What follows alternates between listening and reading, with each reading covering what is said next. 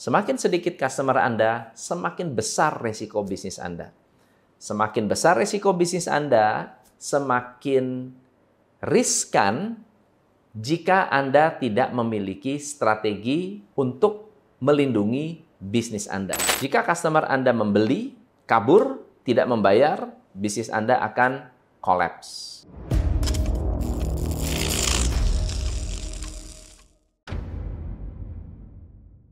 Deep Talk hari ini akan membahas satu pertanyaan yang menarik karena pertanyaan ini begini, usaha lancar, hancur karena ada customer yang nggak benar. Modal berantakan, apakah harus lanjut? Berarti Anda mungkin mengalami masalah yang cukup berat karena hampir semua modal Anda terdampak.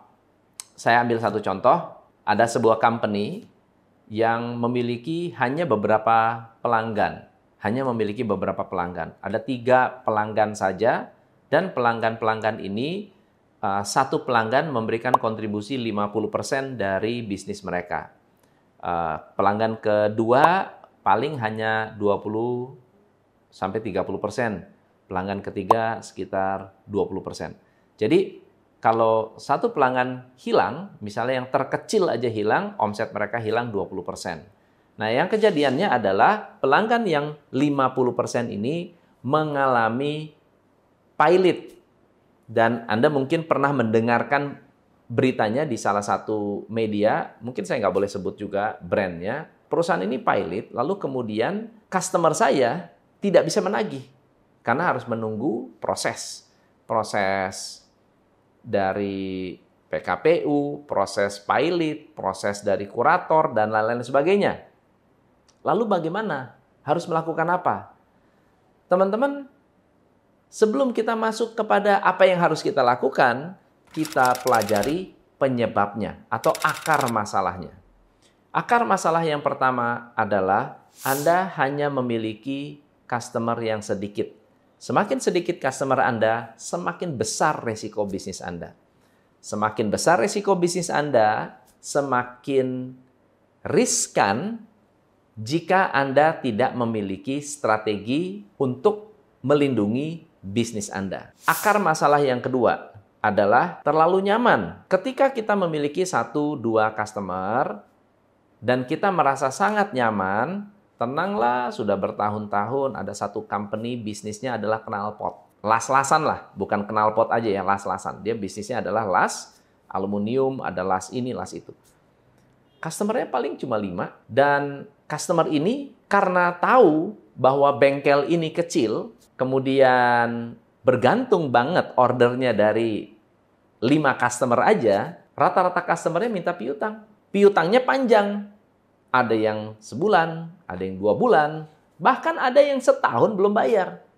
Nah masalahnya adalah kalau tidak dilayani, piutangnya tidak dibayar. Nah sekarang pilih mana?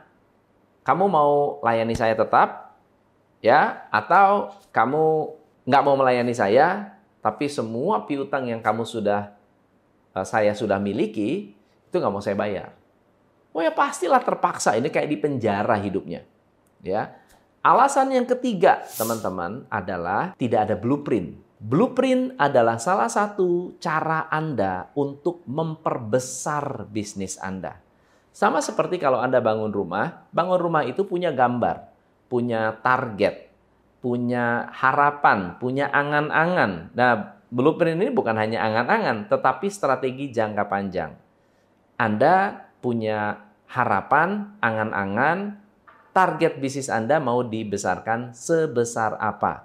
Semakin Anda memiliki blueprint yang jelas, maka resiko bisnis Anda bisa lebih terukur.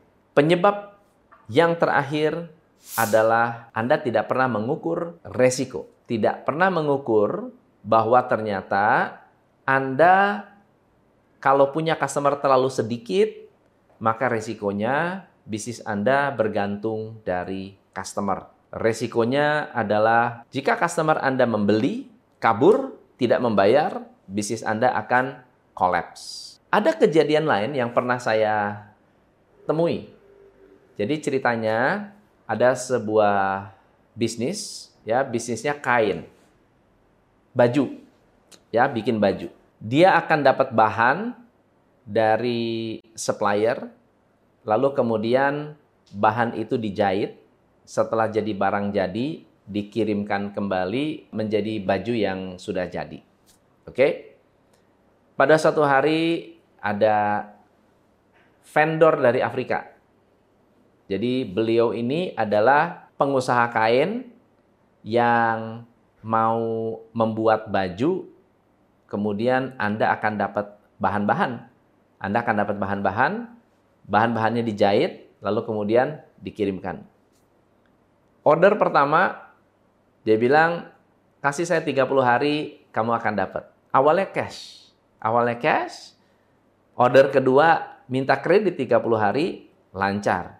Order ketiga, yang biasanya order let's say uh, satu, sekarang ordernya 10. Dan yang menarik adalah bahan baku yang biasanya mereka berikan, sekarang bahan bakunya diminta Anda yang cari. Anda kan udah tahu tuh bahan bakunya. Saya kasih suppliernya ya. Ini suppliernya. Supplier dari China. Supplier dari China, lalu kemudian anda akan terima uh, kiriman barang, Anda uruslah terima kiriman barang. Nanti saya akan bayar sekaligus, yaitu bahan baku ditambah Anda kirim saja nih nilainya berapa bahan bakunya, nanti saya akan bayar sekaligus bersama dengan ongkos jahitnya. Yang menarik adalah setelah mereka terima order, mereka nggak ada letter of guarantee, ya, nggak ada letter of credit, nggak ada apa-apa. Jadi semua serba kepercayaan. Karena apa? Karena orang ini baik banget, manis banget, nggak pernah ketemu muka. Karena order-order awalnya lancar. Apa yang terjadi? Karena naif, Bapak Ibu, karena terlalu naif, maka diterima. Diorderlah dari China, dan China bilang, bos, kalau kamu order ke saya, kan kamu baru pertama. Saya perlu bayar tunai. Nah karena baik ya, bisnis owner ini terlalu baik, dibayarlah tunai. Karena yakin bahwa customer ini yang dari Afrika ini akan bayar. Setelah jadi, selesai, dibilang, bos udah jadi nih, kirim. Udah nggak apa-apa, kirim aja, santai. Begitu kirim, saya langsung transfer duitnya. Dikirim, barang diterima, tiba-tiba lenyap, nggak bisa dihubungi. Teman-teman, ini semua adalah akibat kita tidak memiliki risk management. Saya tidak bisa menyampaikan Anda harus terus atau tidak karena saya kan nggak tahu modal Anda berapa, bisnis Anda apa, customer Anda siapa, karena banyak sekali bisnis yang dealing dengan pemerintah. Dealing dengan PLN. Dulu PLN mau kayak mau kasih DP. Sekarang PLN nggak mau. Pokoknya barang jadi, saya bayar. Barang nggak jadi, saya nggak bayar. Modal 100% harus dari Anda. Nah loh, kalau misalnya Anda barang jadi, lalu kemudian PLN bilang, sorry speknya berubah. Kemudian Anda bilang, nggak bisa bos, saya udah buat. Mohon maaf Pak, speknya berubah. Jadi barang ini nggak bisa saya terima dan tidak bisa dibayar. Resiko. Nah, kalau Anda tidak pernah menciptakan yang disebut risk management, kesulitan Anda pasti akan besar jika terjadi masalah karena nggak pernah kita perhitungkan sebelumnya. Saran saya adalah Anda kembali ke diri Anda. Apa kekuatan yang Anda miliki saat ini? Apakah bisnis ini bisa mendapatkan pelanggan-pelanggan baru selain dari pelanggan yang bandel tadi. Yang ketiga adalah Anda mulai menciptakan risk management. Apa saja resiko-resiko yang harus Anda mitigasi? Piutangkah? Stokkah? Atau mungkin ada resiko lain yang Anda sendiri yang lebih mengerti. Semoga apa yang saya uh, sampaikan hari ini dan pengalaman-pengalaman yang saya share hari ini, ini semua adalah kisah nyata, bisa membantu Anda melihat lebih jernih tentang langkah-langkah apa yang akan Anda lakukan setelah ini. Semoga bermanfaat. Saya Tom MC Ifle. Salam pencerahan.